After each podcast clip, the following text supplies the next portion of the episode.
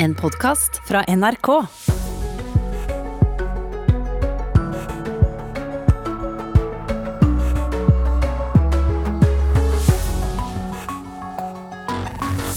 God morgen fra NRK Nyheter fredag 6. august. Ikke vet jeg om du allerede har vært på jobb i ukevis, eller om du klamrer deg til sommerferien så knokene vitner, men velkommen er du uansett. Siste sommerferiedag i sommerferien sang De Lillos om for mange år siden. Da var de på vei til Oslo i sangen, og det er det mange som har vært i sommer. Samtidig har det ikke vært høyere smittetall i Norge siden 21. mai. Folk som gjør mye av jobben sjøl, skal også få støtte til energisparing hjemme. Det sier flere politikere, etter at Enova har sagt nei til flere som har pussa opp sjøl. Hvis folk er, eh, evner å gjøre dette selv, så er jo det bare bra for alle, tenker jeg.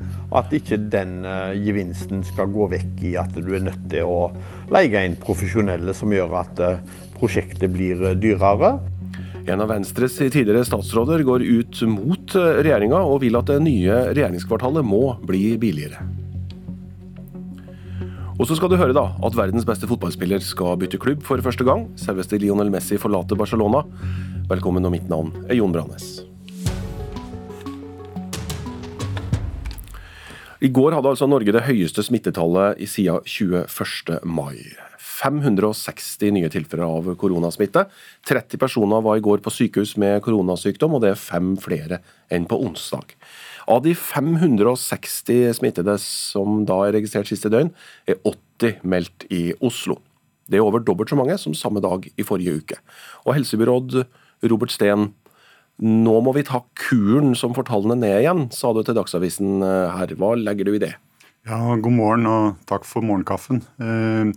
Det vi har sett siden koronaen kom til Oslo i månedsskiftet februar-mars i 2020, er at hver eneste ferie har uten unntak kommet med økte smittetall. Det virker som om når vi tar ferie, så er det en del av oss som også tar litt ferie fra de grunnleggende koronareglene, og særlig dette med å holde avstand til mennesker som man ikke er nærstående i forhold til. Vi er mer mobile, vi reiser på oss i ferien, og vi blir også tydeligvis mer sosiale, og avstanden blir litt mindre. Når vi kommer hjem igjen fra ferie, så betyr det at det er en del som er blitt smittet i ferien, som må i isolasjon. De som har vært i nærheten av de som har vært smittet, må karantenesettes, slik at vi får brutt smittebanene så fort som mulig. Det er det som ligger i den kuren som vi er nødt til å ta etter ferien. Jeg pleier ofte å sammenligne med at vi har reist på ferie og spist litt godt og drukket litt godt, lagt på oss noen kilo, og når vi kommer hjem igjen, så må vi ta en liten kur for å slanke oss ned igjen til den matchvekten vi hadde når vi dro på ferie. Vi skal høre litt på hvordan folk på gata i Oslo oppfatter koronapandemien akkurat nå. Hør her. Etter at jeg fikk første vaksinedosa, så er jeg ikke det lenger. Nei, altså En er jo selvfølgelig litt, litt bekymra så lenge det står på. Men jeg tenker for hver uke som går, så, så går jo sannsynligheten for oss å få, få korona litt ned. Jeg er ikke redd for å være smittet her i Oslo. Det er noe annen opplevelse enn å være da i en mye tryggere plass som Stryn. Jeg er vaksinert, jeg, så det er jeg ikke redd for. Det er jo klart at det er jo en mer levende by enn tidligere. Og det er jo på en måte hyggelig, samtidig som det kan være litt skummelt også. Oslo har jo stukket av med alle vaksinene til resten av landet, så, så det er vel snart det tryggeste stedet du kan være i Norge, er det ikke det? Var kollega Anita Kristiansen som hadde vært på, på, gata i Oslo. Her er det du har å jobbe med, Robert Steen. Hva tenker du om det? Jeg tror jo at dette her er en helt naturlig utvikling. Hvis vi husker tilbake til de første bildene som vi fikk om koronaen, og de fleste husker kanskje Italia-bildene fra februar i 2020, hvor mennesker døde i store antall, hvor de sykehusansatte satt, jobbet 24-7 og sov noen timer under pulten på sykehuset, så er det klart det var mye frykt og usikkerhet knyttet til koronaen i begynnelsen. Nå har vi levd med korona halvannet år. Vi har etter hvert begynt å forstå både hva det er og hvordan vi skal behandle det, hvordan vi skal håndtere det, og så har vaksinene kommet. Og Det er jo det veldig mange av disse på gata i Oslo også er inne på. Vi startet vaksineringen i Oslo og i Norge 27.12., og i dag så har over eh, nesten 86% av Oslos befolkning over 17 år blitt vaksinert én eller to ganger. Og Det er klart det gir en helt annen sikkerhet i forhold til sykdom enn det som man hadde før vaksinen kom. Så Jeg pleier også å si at vi er et annet sted nå enn det vi var i fjor sommer. Vi skal fortsatt ha respekt for koronasmitten. Fortsatt kan man bli smittet, både når man er vaksinert én og to ganger. Og man kan fortsatt bli syk. Senest i går så fikk jeg beskjed om at en yngre politikerkollega med her i Oslo hadde vært i utlandet. Har én vaksine, ble syk og sier at han har aldri vært så syk i sitt liv som han er nå. Så koronasyk er ikke noe du vil bli, og det skal vi ha respekt for. Eh, men den alvorlige frykten som red oss til å begynne med, den er det nok ikke nå så, så stort grunnlag i forhold til å ha. Nei, og Folk er jo ikke så redde for dette lenger, Sten. Når vi ser på denne løpende undersøkelsen Norsk koronamonitor, som Opinion har hatt nå gjennom hele pandemien, så sier jo folk at nei, nå, nå er vi ikke riktig like redde lenger. men men å senke skuldrene, det kan man jo ikke. Nei, Det er derfor jeg sier at vi skal nok ha stor respekt for koronaviruset. Uh, men det er ikke noe grunn til å gå rundt og være redd hele tiden. Men hvordan kan du som helsebyråd sørge for at folk har respekt for dette i, i Oslo, da? Det er jo egentlig en påminningsjobb som går der hele tiden. Eh, vi har vært igjennom et ekstremt strengt regime i Oslo fra november i 2020 og fram til vi begynte å åpne byen igjen i mai. Eh, ingen kommune i Norge har vært så stengt som det Oslo var i så lang tid som det vi var. Og det er klart det har også vært en stor påkjenning for Oslos befolkning. Det at vi da åpnet igjen i slutten av mai, eh, samtidig som smittetallene var på vei nedover, og det fortsatte de å være helt fram til i forrige uke, når folk begynner å komme hjem igjen fra ferie, man har vært ute av byen, ute av landet. Eh, det har nok vært veldig godt for folkehelsa til Oslos befolkning. Vi har hatt en god sommer i Oslo, vi har hatt en solfylt og varm sommer i Oslo. Folk har kosa seg på strendene, på bryggene ved fjorden, i gatene og på restaurantene, og det tror jeg Oslo-folk har hatt godt av. Vi som bor da rundt eller i Oslo, vi ser jo f.eks. det at bruken av munnbind har endra seg. Færre og færre bruker munnbind ute i det offentlige rom. Er det, det er ikke noe som gir deg bekymring, det heller? Nei, ikke noe utover det at eh, jeg sier at den denne respekten som vi må ha for viruset, er at vi må huske at vi lever fortsatt eh, med viruset rundt oss og blant oss. Det er jo det som er årsaken til at smittetallene går oppover nå. Det betyr at vi må ha litt i bakhodet dette målet avstand, særlig fra de som ikke er nærstående. Og skulle vi komme i situasjoner ved det å holde avstand er veldig, veldig vanskelig, ta fram munnbind igjen. Det er en beskyttende effekt i forhold til smitte. Til slutt, eh, Robert Steen, helsebyråd i Oslo. Nå er det jo slik at Bergen har innført nye lokale tiltak etter økt smitte. Hva er det som skal til i Oslo for at uh, hovedstaden setter i verk tiltak igjen? Jeg tror smittetrykket i Bergen er omtrent det dobbelte uh, av det som vi har i Oslo om dagen. og Det kan jo være en indikasjon, selvfølgelig. Det ser ut som om antall smittede denne uka kommer til å ende et sted mellom 400 og 500. På sitt maks i mars måned i år så hadde jeg 2500 smittede på en uke i Oslo. Eh, vi er fortsatt bare på en femtedel av det. Eh, så Det er jo disse avveiningene vi må gjøre, samtidig med at vaksinasjonsgraden bare går opp og opp for hver eneste dag som går. Så Det er et totalbilde som vi vurderer til enhver tid. Eh, men jeg må innrømme at for første gangen på flere uker så er det første jeg gjør om morgenen nå å se på smittetallene, og det siste jeg gjør når jeg legger meg om kvelden, det er å se på smittetallene. Så det er klart at det er noe større uro når tallene går opp og er på noe høyere nivå enn det det var i sommer. Takk skal du ha for at du kom til Nyhetsmorgen, Robert Steen, byråd i Oslo. Da skal vi forlate koronapandemien i noen minutter og snakke om noe annet. For det er slik at flere politikere reagerer på Enovas behandling av private huseiere, som NRK har fortalt om tidligere denne uka. Huseiere flere steder i landet har nemlig opplevd å få avslag på søknad om tilskudd på da, tiltak for energiøkonomisering, fordi de har gjort for mye sjøl. Og Enova kan ikke bare være for dem som har råd til å sette bort oppussinga, sier SVs energipolitiske talsmann Lars Haltbrekken.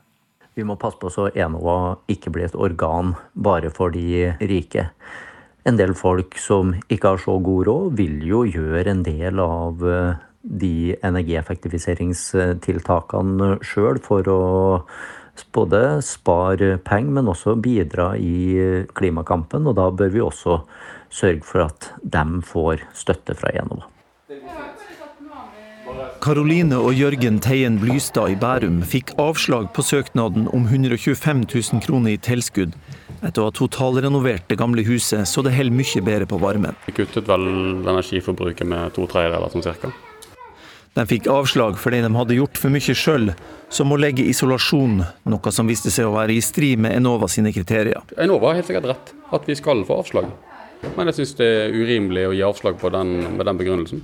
Uh, og hvis du bare ser på det bare um, energiforbruket, det huset som var før til det som er nå, så er det noe helt annet. Så jeg tenker det bør være det viktigste. Folk bør absolutt kunne få tilskudd, selv om de gjør en del på egen hånd, sier Lars Haltbrekken. Så lenge de reduserer energiforbruket, så lenge de investerer i enøktiltak, så bør de kunne få støtte fra Enova. Fremskrittspartiets energitalsmann Terje Halleland er enig. Eh, det er jo eh, litt av gevinsten eh, når en renoverer. og at ikke den gevinsten skal gå vekk i at du er nødt til å leie inn profesjonelle som gjør at prosjektet blir dyrere. Også Odd Inge Ellemy i Kristiansand søkte støtte fra Enova etter å ha totalrenovert et trekkfullt hus fra 1960-tallet. Så sa jeg at jeg hadde gjort litt sjøl, og bang, så sa de at da fikk jeg ikke støtte. Dette høres ut som en unødvendig byråkratisk linje som jeg mener man burde endre på. Jeg skjønner jo at det må gjøres en kvalitetskontroll etterpå, men det burde jo være bare å få en kompetent håndverker til å gå god for jobben. Det sier Espen Barth Eide, energipolitisk talsmann i Arbeiderpartiet. Det er jo nå stadig strengere krav til nye boliger, men de fleste bor jo i et bygg som allerede er bygd, og det må være rom for å investere der. Og hvis folk er, eh, evner å gjøre dette selv, så er jo det bare bra for alle, tenker jeg. Private husholdninger betaler inn til sammen omtrent 400 millioner kroner i året til Enova over strømregninga.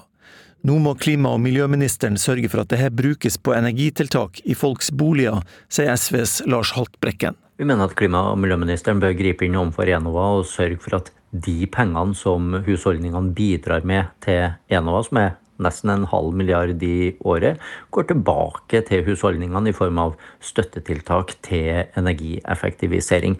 I fjor så var det jo bare litt over 150 millioner som eh, da gikk tilbake til husholdningene. Så Lars Hadbrekken i SV, og som vi hørte i innslaget til reporter Kjartan Røslett, så er det eh, klima- og miljøminister Sveinung Rotevatn som har det politiske ansvaret for Enova. Men han henviser til dem, og de er med i Nyhetsmorgen etter klokka åtte for å svare på dette. Nå skal vi This is what the great, great players do. And Lionel Messi has turned this game around in the blink of an eye. Altså, En av verdens beste fotballspillere, kanskje verdens beste fotballspiller gjennom tidene, Lionel Messi fra Argentina, han skal forlate Barcelona. Og det skal han etter ja, omtrent 20 år i samme klubb. Han debuterte for det spanske storlaget i 2004. Han har spilt 778 kamper for dem. På den tida skåra 672 mål og vært nest sist på 305 andre. Joakim Remvik, reporter i NRK Sport, hva i all verden er det som gjør at Messi nå skal forlate denne klubben? Nei, Det har jo lenge vært forventa at han skulle bli i Barcelona. Han har jo vært klubbløs siden da 1. juli. Og det er jo da måten han nå forlater klubben som er veldig spesiell for eh, Messi og klubben. De hadde tilsynelatende var enige om en ny kontrakt. Eh, det skulle være en ny femårsavtale, skulle, men da må han ta et lønnskutt på 50% Men i går kveld så opplyste altså klubben at eh, det var strukturelle og økonomiske utfordringer som gjorde at Messi ikke kan bli værende i Barcelona. Og Problemet det ligger i at La Liga har egne finansielle regler som bestemmer hvor stor del av inntekten inntektene klubbene kan bruke på spillere og lønninger. da. Eh, og Barcelona de har jo slitt med en gjeld som har vært på i overkant av 11 milliarder kroner. Og lenge har det da vært klart at de må selge en rekke spillere for å kunne redusere lønnsutgiftene, for å da kunne gi Messi denne nye kontrakten. Og La Liga-president Javier Tebas sa ifølge Reuters at en klubb med gjeld på Barcelona sin størrelse ikke vil kunne få unntak fra disse reglene. Og selv ikke da for å forlenge med en av La Ligas største profiler. Ja, fordi Her er det jo ikke snakk om som sagt, en av verdens beste fotballspillere, men Barcelona som klubb har jo vært vanstyrt i, i, i, i flere tiår. Og, og så gir de skylden til hverandre, da, klubb og liga. Det gjør de. Det er eh, rett og slett en klubb som har gitt spillerne, spillerne veldig eh, høye lønninger over lang tid. og ja, Det blir rett og slett vanskelig når man har en så stor gjeld, å kunne beholde en så stor profil, uansett hvor stor han er. Men Messi, da? Hvor går veien videre, tror du? Nei, Det er jo vanskelig med disse ryktene, men det må jo så klart en pengesterk klubb til for å kunne signere en mann av det kaliberet som har dominert sammen med Cristiano Ronaldo i, i over et tiår. Eh, han har et godt forhold til Pep Guardiola i Manchester City, et godt forhold til Neymar i PSG. Nå har jo City signert Jack Reelish for 100 millioner i går.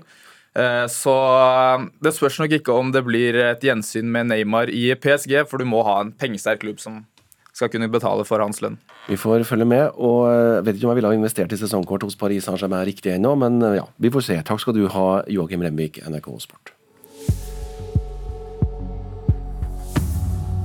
Klokka er 7.17. Dette er Nyhetsmorgen i NRK P2, NRK1 og NRK Nyheter. Koronasmitten øker i Norge og i Oslo, men helsebyråden han sa akkurat nå at lokale tiltak ikke er nødvendig i hovedstaden nå. I Myanmar er koronasmitten overveldende, og parallelt fortsetter protestene mot militærjuntaen som tok makta for et halvt år siden. Og flere politikere reagerer på Enovas behandling av huseiere som pusser opp for mye sjøl til å få støtte. Det er en annen type oppussing som foregår i Oslo, og tidligere klima- og energiminister Ola Elvestuen han er enig med Trygve Slagsvold Vedum om at det nye regjeringskvartalet i Oslo sentrum må nedskaleres. Både Venstre-representanten og Senterpartilederen mener det er milliarder å spare på prosjektet, noe regjeringa avviser. Men Elvestuen går mot regjeringa, som partiet hans sitter i. Jeg er enig med Vedum i at vi kan nedskalere regjeringskvartalet, og det er viktig for Oslo at vi gjør det. Det sier tidligere klima- og energiminister Ola Elvestuen. Men hva er det Elvestuen egentlig er enig med Vedum om? For å skjønne det, må vi spole litt tilbake i tid. Forrige uke var Vedum på valgkampturné i Nord-Norge. Der kom statsministerkandidaten til Senterpartiet med et klart budskap om å ville nedskalere gjenoppbyggingen av regjeringskvartalet. Vi har vært tydelige over tid at vi syns det er altfor mye penger som går til det nye regjeringskvartalet. Og da må ikke regjeringa nå forplikte seg til nye millioner, nye milliarder i den uh, halvannen måned det er igjen før et nytt storting er på plass. Regjeringskvartalet må bygges opp på nytt etter terrorangrepet 22.07. Foreløpig ligger prislappen på et sted mellom 26 og 36 milliarder kroner. Senterpartiet mener imidlertid det vil være mulig å kutte kostnaden med hele 15 milliarder dersom man begrenser prosjektet. Vi sender nå et brev til statsminister Erna Solberg og ber henne stoppe alle nye kontraktinngåelser, nye kostnadsøkninger som kan skje før et nytt storting er på plass. Forslaget får nå støtte fra uvanlig hold når Elvestuen fra Venstre sier seg enig med Vedum fra Senterpartiet. Jeg er helt sikker på at det ikke blir dyrere enn de planene som ligger nå. Det er helt klart at det er mulig å nedskalere regjeringskvartalet, og også spare penger på det. Vedums forslag blir imidlertid ikke like godt mottatt fra alle parter. Kommunalminister Nikolai Astrup i Høyre refser Vedums forslag, og tror Senterpartiets alternativ vil bli vesentlig dyrere enn dagens plan. Årsaken er ifølge Astrup den såkalte sikkerhetsloven. Den påbyr nemlig å måtte kjøpe opp en rekke bygg rundt regjeringskvartalet dersom prosjektet innskrenkes, slik at regjeringskvartalet er tilstrekkelig sikret. Et røft anslag tilsier at eh, Senterpartiets modell vil koste 25 milliarder kroner mer enn det som ligger på bordet nå. Det Senterpartiet foreslår vil altså bli vesentlig dyrere enn det som nå ligger på bordet, og derfor har jeg ment at dette er populistisk vås. Ettersom Elvestuen støtter Vedums forslag om å tone ned oppbyggingen, går han dermed mot sin egen regjering. For meg er det umulig å forstå hvordan en nedskalering skal være dyrere. Ti år etter terrorangrepet er gjenoppbyggingen av regjeringskvartalet fremdeles kun i fase én av tre. Astrup mener det er på høy tid at byggene gjenreises, men avviser at Senterpartiets forslag er riktig løsning. Det handler om, eh, om, sikring og oppnå tilstrekkelig sikkerhet. Det handler jo eh, både om at eh, regjeringskvartalet og departementsbygninger er utsatte terrormål, og det handler om etterretningstrusler. Når det er sagt, så er jeg enig med Elvestuen at vi selvsagt må se på mulighetene for å nedskalere dagens prosjekt. Vi har allerede nedskalert det med 28 000 kvadratmeter, og vi ser på muligheten for ytterligere nedskaleringer i byggetrinn 2 og 3. Det sa kommunal- og moderniseringsminister Nikolai Astrup til slutt. Reporter her er Erik Hegdal Evensen og Håvard Grønli. Og at folk er uenige med hverandre inne i Venstre, det har man laga mange politiske kvarter om før Lilla Sølvesvik, men nå snakker vi om rød-grønn side i dag. Hvem er det som skal styre Norge hvis det blir rød-grønn valgseier? Det er ukens og kanskje valgkampens store spørsmål. Eh, Senterpartiet har starta valgkampen med å angripe Arbeiderpartiet, som de vil samarbeide med. Og så har de avvist et regjeringssamarbeid med SV, som de kanskje trenger å samarbeide med for å få flertall. Så dette blir spennende. Vi skulle selvfølgelig veldig gjerne hatt med Trygve Slagsvold Vedum, men han har takka høflig nei. Eh, derimot så kommer Jonas Gahr Støre og Audun Lysbakken til Politisk kvarter i dag. Hvordan skal denne rød-grønne regjeringen se ut dersom de får flertall? Det blir spennende å følge med på. Lilla Sølvesvik er på plass klokka 7.45. Det skal handle om Myanmar de neste minuttene. Det er over et halvt år siden militæret kuppa regjeringa i landet. De satte lederen Aung San Suu Kyi i husarrest. De har da deretter fått store folkelige protester mot seg, som det er blitt slått hardt ned på. Og koronapandemien gjør Myanmar enda verre stilt, for landet er et episenter for pandemien i Sørøst-Asia. I Nyhetsmorgen for å snakke om dette er professor ved Institutt for sosiologi og samfunnsgeografi ved Universitetet i Oslo, Myanmar-ekspert Christian Stokke, velkommen hit. Takk. Folk protesterer jo mot militærregimet fortsatt etter et halvt år. Hvordan er forholdene der nå politisk? Ja, Situasjonen er den at uh, militæret sitter med makten og prøver å konsolidere sin maktposisjon, men uh, møter sterk motstand. Uh, det er sterk motstand i befolkningen generelt, og det er daglige protester. Og det er væpna konflikter, spesielt i etniske delstater. Militærets respons er voldsbruk, som det har vært lenge. Eh, men det er òg andre virkemidler for å overvåke, kontrollere, prøve å legge lokk på motstanden. Eh, militæret har akkurat annonsert at de eh, etablerer en såkalt caretaker government, altså en midlertidig regjering med hærsjefen som overhode. Og har sagt at det skal skje et valg i 2023. Det er det veldig få som har noen som helst tillit til. De fleste regner med at det militæret nå ønsker, at et langvarig militærstyre. At de vil skape en situasjon der de aldri må gi fra seg makten igjen, og det trigger omfattende motstand, naturlig nok. Hvordan er det da koronasituasjonen kommer inn i dette, for Myanmar er jo svært hardt ramma av pandemien? Eh, det stemmer. Myanmar har høye smittetall, høye dødstall, og mye høyere enn den offisielle statistikken eh, forteller. Det henger veldig tett sammen med militærets vannstyre. Eh, militæret er ute av stand til å håndtere smittespredning, er ute av stand til å uh, tilby medisinsk behandling. Uh, så de som er syke, blir overlatt til sine familier. Det er mangel på grunnleggende ting som f.eks. medisinsk oksygen. Så dette er en situasjon som er svært alvorlig. Det er en humanitær krise, og det er sannsynlig at den vil bli større og kanskje bidra til nye mutasjoner og med regionale og internasjonale konsekvenser. Humanitær krise er uttrykket du bruker, professor Stokke. Hvordan har befolkninga det? Hvordan er levekåret i Myanmar nå? Det er svært alvorlig. Det er militær undertrykking, det er den helsekrisen, og det er selvsagt en økonomisk krise. Eh, den burmesiske økonomien er i fritt fall.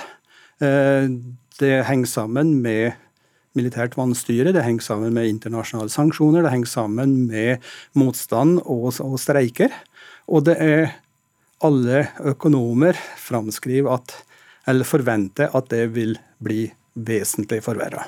Lederskapet fra den valgte regjeringa som da ble avsatt i starten av februar, de er jo i husarrest. Aung San Suu Kyi blant dem. Hvordan er hennes situasjon nå, vet du det? Det vet vi relativt lite om. Vi har ikke sett eller hørt noe fra henne siden den siste runden i rettssalen, så vi må anta at den er uforandra. Um, men det som òg er interessant, det er jo skyggeregjeringen, altså National Unity Government, som har forsøkt å bygge opp en, en koronaberedskap, et behandlingssystem, i samarbeid med etniske helseorganisasjoner. Eh, men de er selvsagt eh, forhindra i sitt arbeid. Inkludert fordi at militæret anser dem som terrorister og akkurat har stramma inn antiterrorismeloven, slik at det er faktisk ulovlig å ha kontakt med, samarbeide med skyggeregjeringen, som er altså danna av de demokratisk valgte parlamentsmedlemmene. Takk skal du ha for denne oppdateringa fra Myanmar, professor Kristian Stokke fra Universitetet i Oslo. Da skal vi til hjemlige forhold igjen, og sommerskuta til NRK, som jo akkurat nå seiler på vei til Sirevåg på Jæren etter å ha vært i Lysefjorden. Sunniva Meyer Sømhovd fra Brønnøysund og fra Askøy er matros om bord. Sjøen er hennes arbeidsplass, men hun vil gjerne ha flere kvinnelige kolleger, for svært få av de som jobber på dekk til sjøs, er kvinner. Med tydelig røyst gir Sunniva Meyer Sømhovd kommandoer på skoleskipet Statsråd Lemkul. Eh, eh, Som matros har den unge kvinna stort ansvar på dekk på skipet med heimehavn i Bergen. Det at hun sikta på jobb på sjøen, var tilfeldig. Jeg ville begynne å jobbe på sjøen fordi jeg faktisk var med på et tokt med Statsråd Lemkul. Jeg var med på sånn tiendeklassetokt, og så ble jeg helt hektet. Det er jo ikke bare en jobb, men det er også en livsstil. og jeg syns det er fantastisk gøy. Tall fra SSB viser at bare 3,8% av norske sjøfolk som jobber på dekk, er kvinner.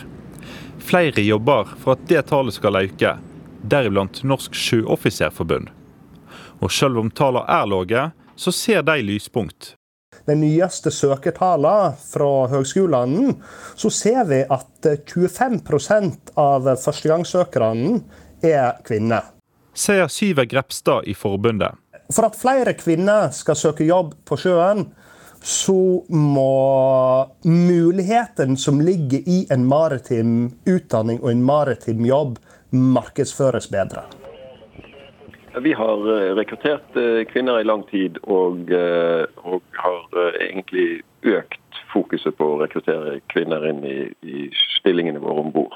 Harald Fotland er operasjonsleder i Oddfjell. I juni fikk heialaget Oddfjell pris fra stiftelsen Norsk maritim kompetanse for særlig innsats for rekruttering. Vi er tydelige på at vi ønsker å ha kvinner om bord. Og vi eh, legger forholdene til rette om bord, sånn at det er praktisk mulig å, å ha en eh, karriere som, eh, som sjøoffiser også for kvinner. Så dere bare ta de Martin, du hjelper til. Alle de Matrosen på skoleskipet vil at næringa finner seg ambassadører som framsnakker yrket. Vel, De kanskje kunne utpekt seg eh, noen ambassadører som kan reise rundt på videregående skoler og si at, eh, at eh, damer kan jobbe på sjøen. Og kanskje er hun sjøl en av disse. For blant medseilere og mannskap på sommerskuta har hun ei høy stjerne. Hun er drittøff og dritkul og gir tydelige beskjeder. Superfet dame. Hun har imponert, rett og slett. Sier kaptein Markus Seidel. Og nå har hun vært eh, ledende matros på dekk og vaktleder og styrer eh, alt på en helt glimrende måte. Så hun må vi bare rose opp i skyene. Reporter på sommerskuta var Fredrik Johan Helland. Dette er Nyhetsmorgen, og du har eh, muligheten etter Dagsnytt til å høre om Esso-kiosken. En gammel bensinstasjon som står i fare for å bli revet, selv om den er blitt et landemerke i et hyttefelt. Og som du hørte i løpet av Politisk kvarter, skal vi høre om Jonas Gahr Støre og Audun Lysbakken skilles som venner klokka åtte, eller bare skilles. Eh, er det rød-grønt kaos eller rød-grønn blomstring vi skal se etter valget?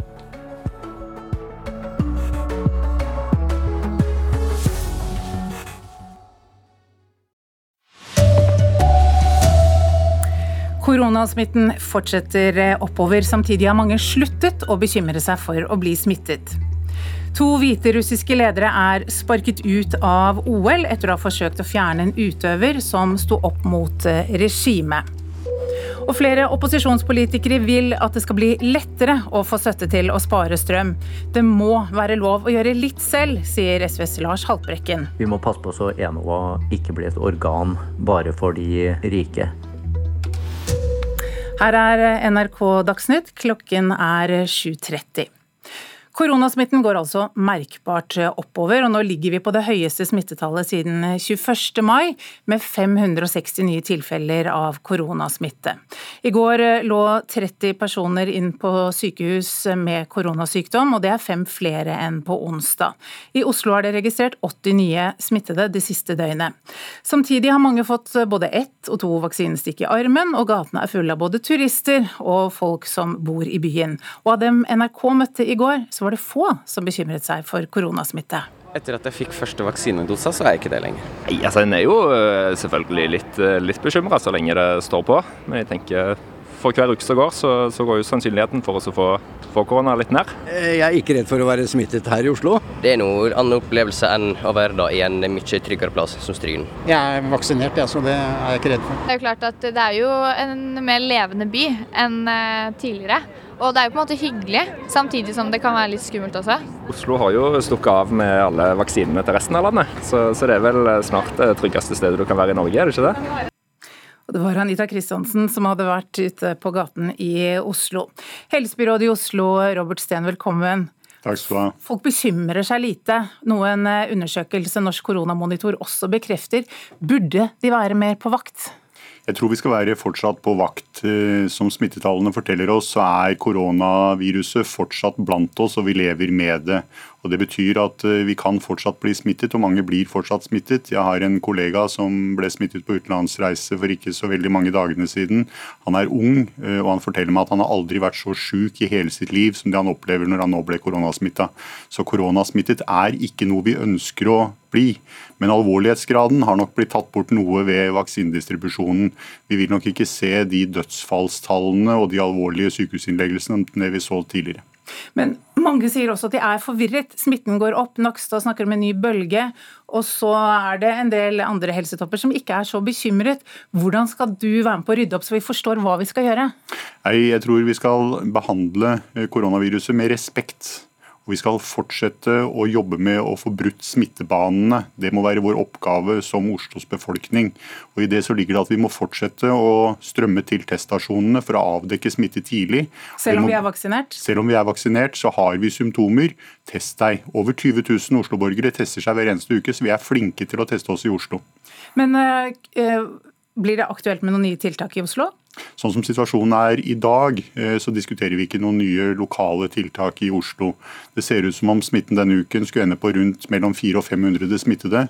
På sitt største i mars måned så var det 2500, altså fem ganger det smittetrykket som vi er på nå. Så vi er på et mye lavere nivå enn det vi har vært når det var tung smitte i byen. Eh, og vi får se an litt hvordan dette utvikler seg. Så skolen åpner som normalt om en uke? Det er planen. Takk skal du ha, helsebyråd Robert eh, Steen. To av lederne til delegasjonen fra Hviterussland er kastet ut av OL i Tokyo. Og det skjer etter at de forsøkte å fjerne utøveren Kristina Tsimandovskaja fra lekene. Nå har hun fått politisk asyl i Polen fordi livet hennes kan være i fare hvis hun vender tilbake til hjemlandet Hviterussland. Dette er stemmen til friidrettsutøveren som nå har fått politisk asyl i Polen.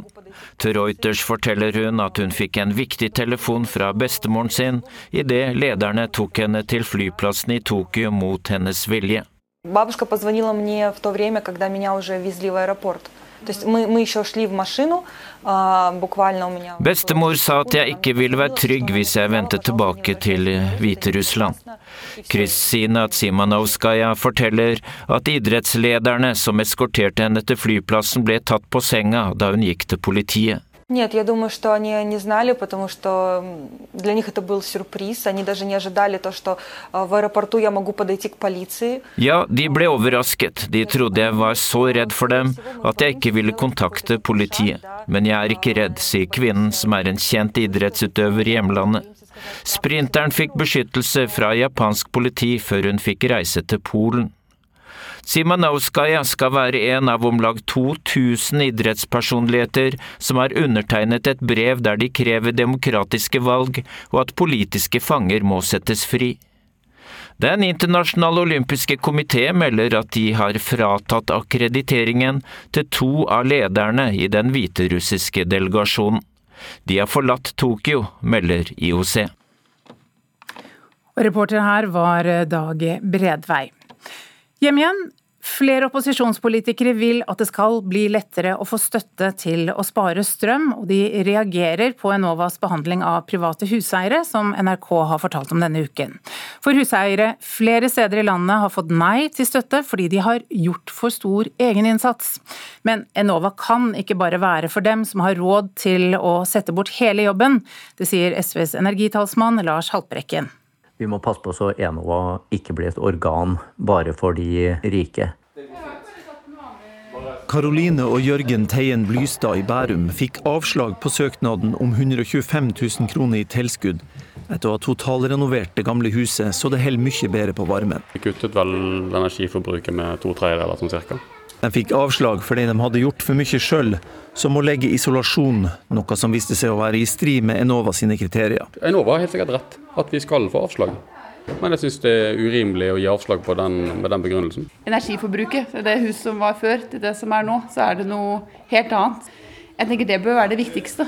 Folk bør absolutt kunne få tilskudd, selv om de gjør en del på egen hånd, sier Lars Haltbrekken. Så lenge de reduserer energiforbruket, så lenge de investerer i enøktiltak, så bør de kunne få støtte fra Enova. Fremskrittspartiets energitalsmann Terje Halleland er enig. Eh, det er jo eh, litt av gevinsten eh, når en renoverer. Og At ikke den gevinsten skal gå vekk i at du er nødt til å leie inn profesjonelle som gjør at prosjektet blir dyrere.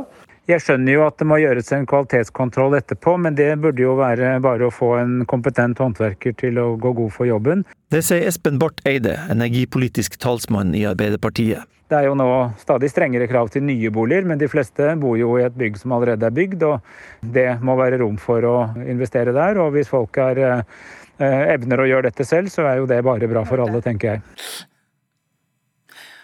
Og klima- og miljøminister Sveinung Rotevatn fra Venstre har ansvaret for Enova, men han ville ikke stille til intervju, og henviste i stedet til Enova selv, som skal være med i Nyhetsmorgen i P2 og på NRK1 etter klokken åtte. Reporter her, det var Kjartan Røslett.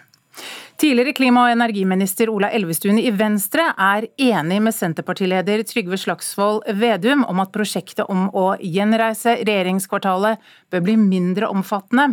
Begge mener at det er milliarder av kroner å spare. Og med dette så går Elvestuen imot den regjeringen som hans parti er med i.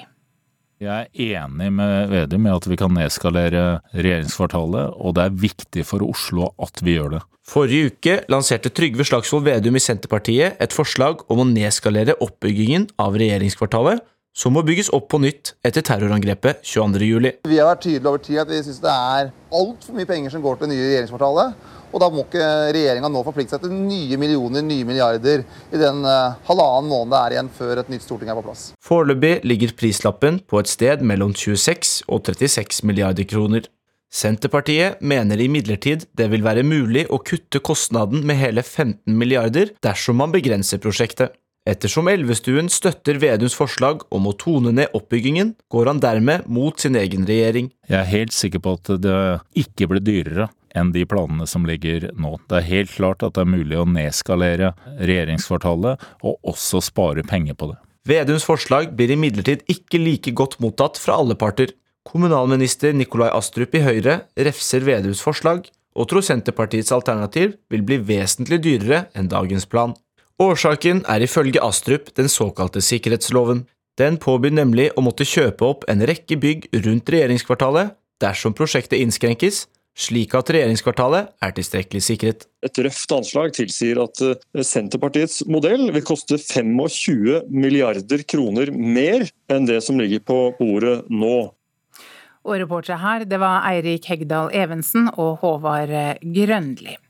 Ansvarlig for eh, Dagsnytt, Ole Reinert Omvik og Marit Selmer Nedrelid.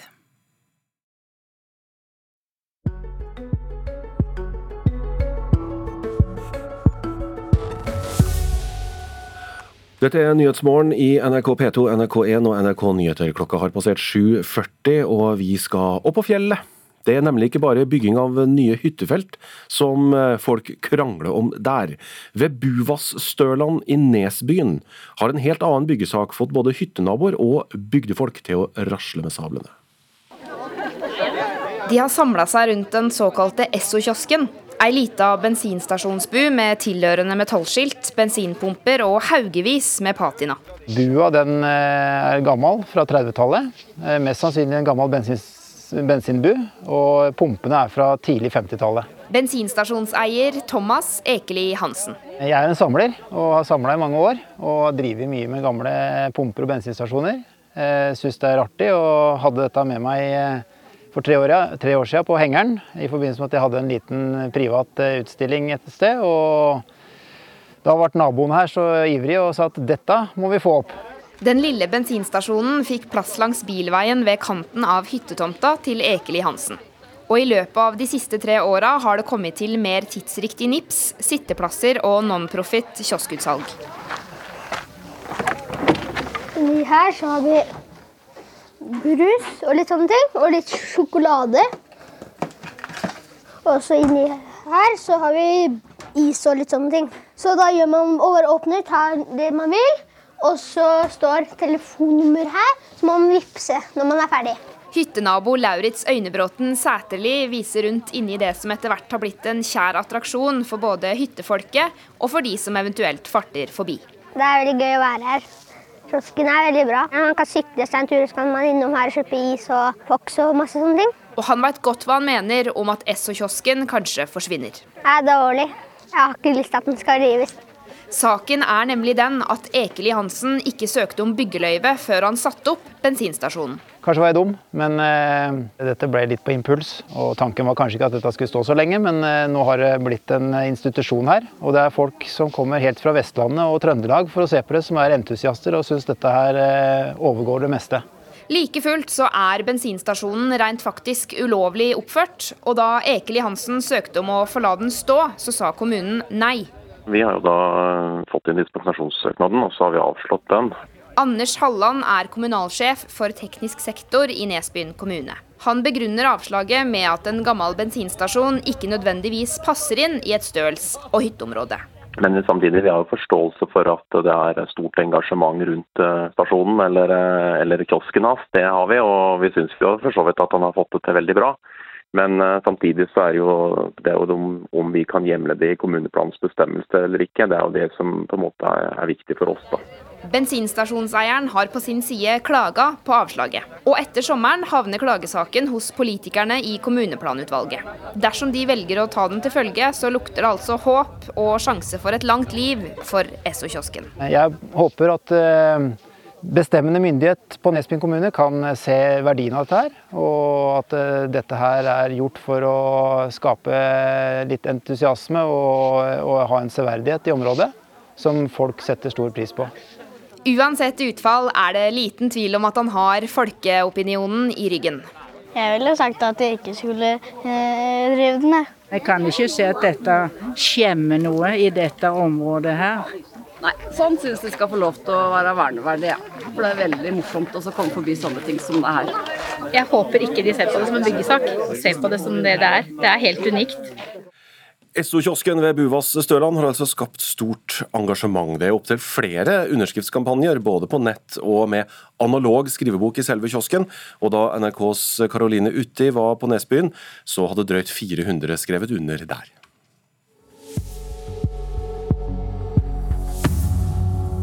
Koronasmitten fortsetter å stige her i landet. Smitten har ikke vært så høy siden 21. mai.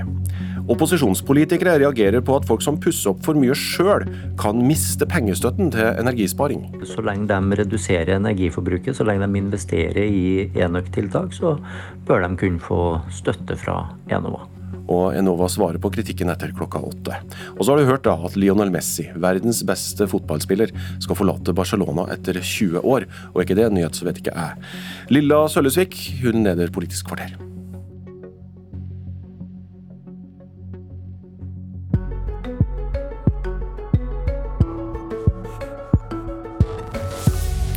Hvem skal lede landet hvis de rød-grønne vinner valget? Senterpartiet har starta valgkampen med å angripe Arbeiderpartiet og å avvise regjering med SV. Jonas Gahr Støre og Audun Lysbakken svarer om rød-grønt kaos her i Politisk kvarter. Ja, velkommen og god morgen, Jonas Gahr Støre og Audun Lysbakken. God morgen. Meningsmålingene er entydige, og hvis målingene slår til sånn som de ligger an akkurat nå, så går det mot rød-grønn valgseier. Men eh, spørsmålet er om det blir rød-grønt kaos i tillegg. Om 40 dager så skal det altså avgjøres, og Arbeiderpartileder Jonas Gahr Støre, er det på tide å avklare hvem som i så fall skal styre? Arbeiderpartiet har gjort det veldig klart hva vi arbeider for. Vi vil ha et nytt flertall. Det er viktig å jobbe for flertall når vi er, eh, kommer til valg. Eh, mister Erna Solberg flertallet, så vil Arbeiderpartiet ha en Arbeiderpartiledet regjering med SV og Senterpartiet. Det har uh, tre årsaker. Uh, først og fremst politisk, fordi vi mener det er det beste alternativet til å gjennomføre den politikken Norge trenger nå etter de åtte årene, hvor forskjellene har økt og vi trenger krafttak for arbeid og for velferd og for klima. Det andre er at det er det alternativet som har best utsikter til å få flertall. Det må vi kjempe for helt inn, det er ikke gitt, vi skal jobbe for det. Og det tredje er at det ser ut som velgerne peker på det alternativet som eh, det beste til dagens regjering. Men så er det sånn at eh, en av de som skal være med deg i den regjeringen, eh, han har en helt annen løsning enn det du sier velgerne peker på i så fall. La oss høre han. Vi kan høre på Trygve Slagsvold Vedum. Vi er krystallklare på hva vi vil. Vi vil ha en Senterparti-Ap-basert regjering. Hva om du ikke får flertall sammen med Arbeiderpartiet alene? Hva gjør du da? Så I Norge så har vi tradisjon for å finne løsninger. Og jeg mener at en Senterparti-Ap-basert regjering kan få flertall. Men det kan også være mindretall, og vi kan få til gode løsninger. Du hørtes så kategorisk ut når du starta her, eh, Støre, men han høres jo like kategorisk ut, eh, Trygve Slagsvold Vedum? Ja, jeg mener Nå får partiene si klart fra hva de går til valg på. Eh, vi har åtte års erfaring med at de tre partiene tok ansvar for landet i en krevende tid. Vi holdt sammen i åtte år. Eh, og Vi mener politisk at det er et godt alternativ for det som ligger foran oss. Så får jeg respekt for at men, partiene... Men skal ikke vi tro på han, da? Eller hva? Jo, men, men, jeg må snakke på vegne av meg. Så stemmer du på Arbeiderpartiet, så vil du stemme på et parti som ønsker et skifte, som har en klar politikk for skiftet, og som har en klar plan for hvordan vi kan gjennomføre det. Så skal velgerne si sitt, og dagen etter skal vi ta det ansvaret som er for å gi Norge en ny regjering. Det vil Arbeiderpartiet alltid tenke. Eh, og alternativet vårt er helt klart. Audun Lysbakken, SV-leder. Hvor viktig er det for deg å gå inn i et regjeringssamarbeid med et Senterparti som ikke har lyst til å samarbeide med deg? Ja, altså Det som er viktig for meg, er å få gjort noe med Forskjells-Norge, få ulikheten i makt og rikdom ned, og få gjort noe med klimakrisen, og klimamålene våre. og Det er jo derfor vi vil ha en rød-grønn regjering. Det er verktøyet for å få det til. Og så svar på spørsmålet. Ja, Vi har svart klart på dette i årevis. Vi, vi er for en rød-grønn samling. Vi har strukket ut en hånd til Arbeiderpartiet, til Rødt, til MDG og også til Senterpartiet, fordi det er nødvendig for å skape flertall for en ny kurs. Og så har jeg respekt for at uh, Vedum har uh, et prosjekt han ønsker seg. Det er i grunnen en ærlig sak. men når vi først er der, så må vi ta den debatten. Og det eh, han ønsker seg, det er praksis en sentrumsregjering. Hele poenget med å holde SV utenfor er å kunne stå fritt til å samarbeide med høyresiden, og det er vi imot. Og spørsmålet mitt var hvorfor du vil være i en regjering med et Senterparti som syns at dere er altfor radikale, og som ikke vil samarbeide med dere? Ja, men Svaret på det er det jeg begynte med. Hvis vi skal få gjort noe med forskjellene, vi skal få gjort noe med ulikhetene i landet, vi skal få gjort noe med klimapolitikken, så må vi ha et flertall. Og Da må vi være villige til å samarbeide med andre partier. og Derfor har vi sagt hele tiden at det som avgjør for vår del, er jo ikke hva de andre partiene heter, men hva slags politikk vi blir enige om. Hvis vi blir enige om eh, en politisk plattform som gjør at vi kan få til et vendepunkt for rettferdig fordeling, at vi kan få til en mer offensiv klimapolitikk, så går SV inn i regjering.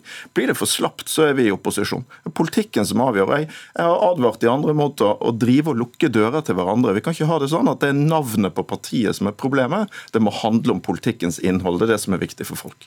Hele ledelsen i Senterpartiet har takka nei til å være med i Politisk kvarter eh, sammen med deg, Støre, og med deg, Lysbakken, i dag. Hva sier det om samarbeidsklimaet før dere skal begynne på, på forhandlinger, Støre?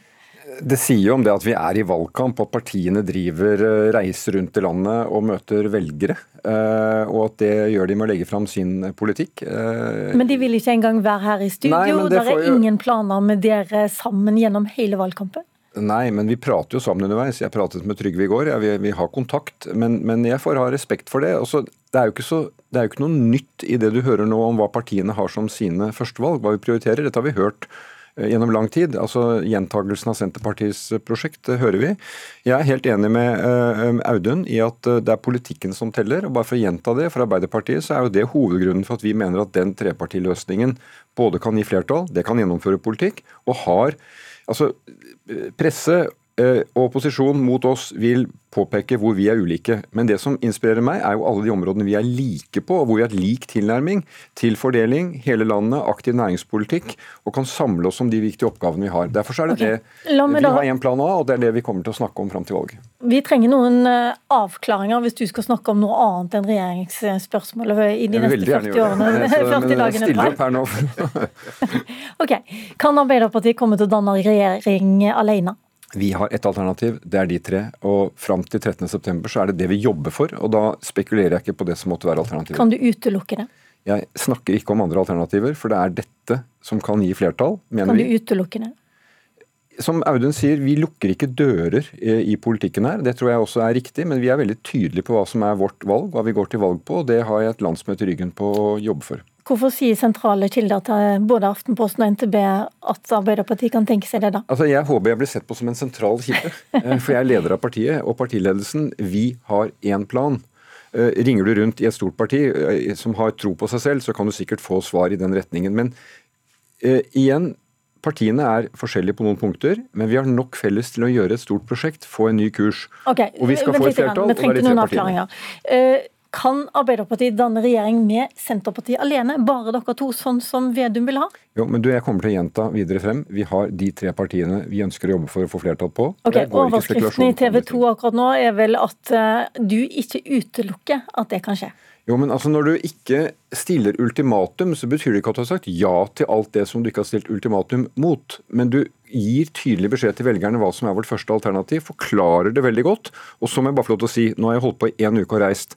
Det er ikke dette velgerne i Nome i Telemark, i Brevik, i Notodden snakker om. De vil høre om industrisatsing, de vil høre om klimapolitikk som kan skape jobber. Alle de temaene som vi har listet opp her, og det er det vi skal bruke valgkampen på. Ja, og Vi skal snakke om det senere, men akkurat nå må, vi få disse avklaringene. Kunne du ønske deg, Lysbakken, at Støre eh, utelukka et samarbeid med Senterpartiet alene? Nei, fordi at jeg har jo vært eh, tydelig på at vi eh, ikke skal utelukke noen ting. Det er naturlig at vi sier hva det er vi vil. Eh, og så er det jo sånn at valgresultatet teller. Vårt budskap til velgerne er jo at hvis du ikke vil ha en sentrumsregjering, hvis du vil ha et flertall bundet til venstresiden, så er et sterkt SV en utrolig effektiv måte å sørge for det på. Og så må vi jo forhandle med de kortene vi får utdelt etterpå. Så, så jeg har ingen problemer med at han svarer sånn. Poenget er vi er enige om hva som er hovedalternativet, eh, en rød-grønn regjering. Jeg har også svart på hva som er vår plan B. Jeg har sagt på, hvis, hvis det skulle bli en Senterparti-Arbeiderparti-regjering, så kommer vi aldri til å bli akseptere å bli brukt som en sånn passiv eh, slalåmport. Da kommer vi til å sikre oss makt over den regjeringen på annet vis, fordi en sånn regjering er nødt til å ha en budsjettpartner. Og det er jo si det, det Senterpartiet som, ikke har svart på. Vil, vil, du si det samme som Ola Borten Moe, da, si at eh, en regjering som dere ikke er med i, vil dere ikke støtte? Altså Enten så er vi med i regjering, eller så er vi i opposisjon. Eh, og en eh, sentrumsregjering som eh, driver utstrakt samarbeid med høyresiden, det vil jo ikke vi være noe støtteparti for. Det vil vi møte på en knalltøff måte. Men vår plan A er altså en rød-grønn regjering. Det har Arbeiderpartiet tro på, det har vi tro på. Det er det mest populære alternativet blant velgerne. Så nå må vi la velgerne si sitt, da. Og da blir jo også dette en av de tingene de må ta stilling til når de skal stemme. Større, vi trenger noen avklaringer til. Ja. Kan det være aktuelt med en slags slalåmkjøring i Stortinget, sånn at man av og til samarbeider med SV, og av og til kanskje på oljepolitikken og innvandringsfeltet med Høyre? Du vet, Alle regjeringer gjennom et år, små og store saker, så kan du finne flertall som kan se litt ulike ut. Men det er ett viktig møte en gang i året du må gjennom, og det er budsjettet.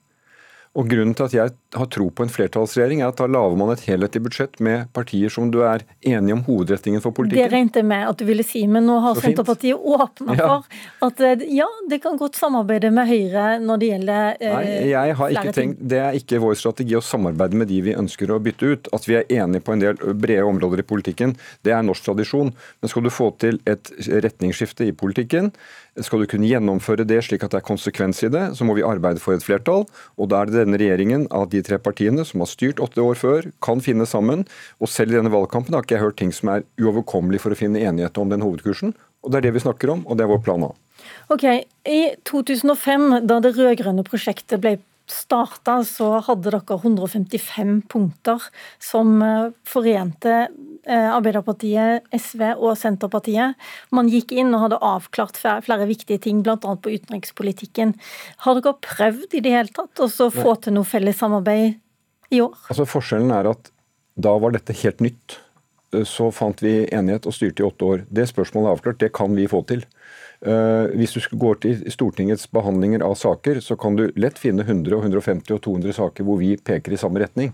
Det er grunnen til at vi går for dette alternativet, men vi har ikke laget den type liste i år. Hold an litt nå, for jeg har dykka litt i arkivet. Hør på en eh, gammel samarbeidspartner av dere. Noen sånne fundamentale ting som hvem som skal være med i regjeringa, blir avklart.